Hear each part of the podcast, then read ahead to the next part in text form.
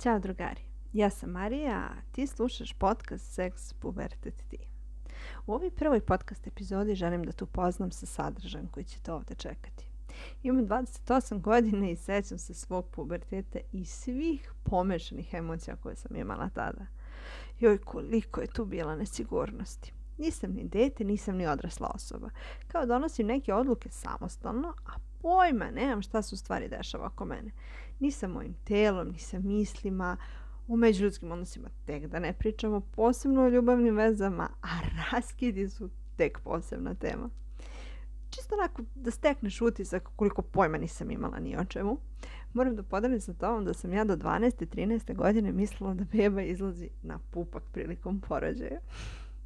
Ništa nisam znala. Ni o seksualnim odnosima, ni o kontracepciji, o polnim bolestima. Pojavile su se bubuljice, hormoni divljaju, a meni u glavi džungla.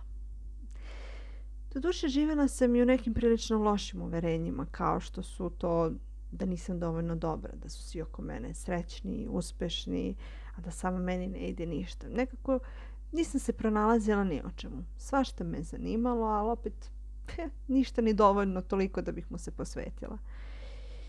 Više puta sam želela i da se ubijem ili odem od kuće. I još više u celom tom procesu na mene uticalo to što prosto niko nije primećivao da sam ja to ono, kao loše mi je, vrištim u sebi, loše se osjećam, želim da me nema, a negde kao da nema nikoga da, da ti pruži ruku, da te podrži, da ti kaže neku lepu reč. Mislila sam da me svi ogovaraju, da žele da mi naude, da se neću svidjeti ni jednom dečku i još mnogo drugih misli je tu bilo. Nažalost, uglavnom negativnih, ali valjda je to negde i deo tog odrastanja.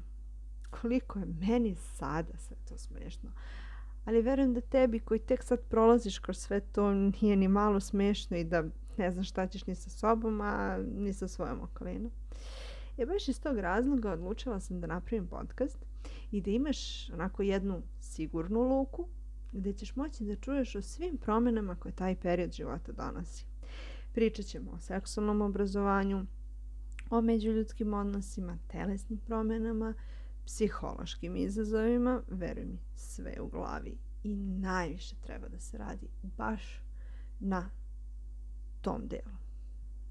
Pričat ćemo o intimnoj higijeni, situacijama u kojima se prvi put susretnemo, a prosto ne znamo kako u njima da se ponašamo. Ukoliko misliš da nemaš kome da se poveriš u tvojoj blizini ili se prosto plašiš ili stidiš, želo bih da imaš slobodu da mi se obratiš, da podeliš sa mnom svoje probleme, sve ono što te muči. Prosto želim da budeš opušten, odnosno opuštena i da mi se javiš. Niste sami.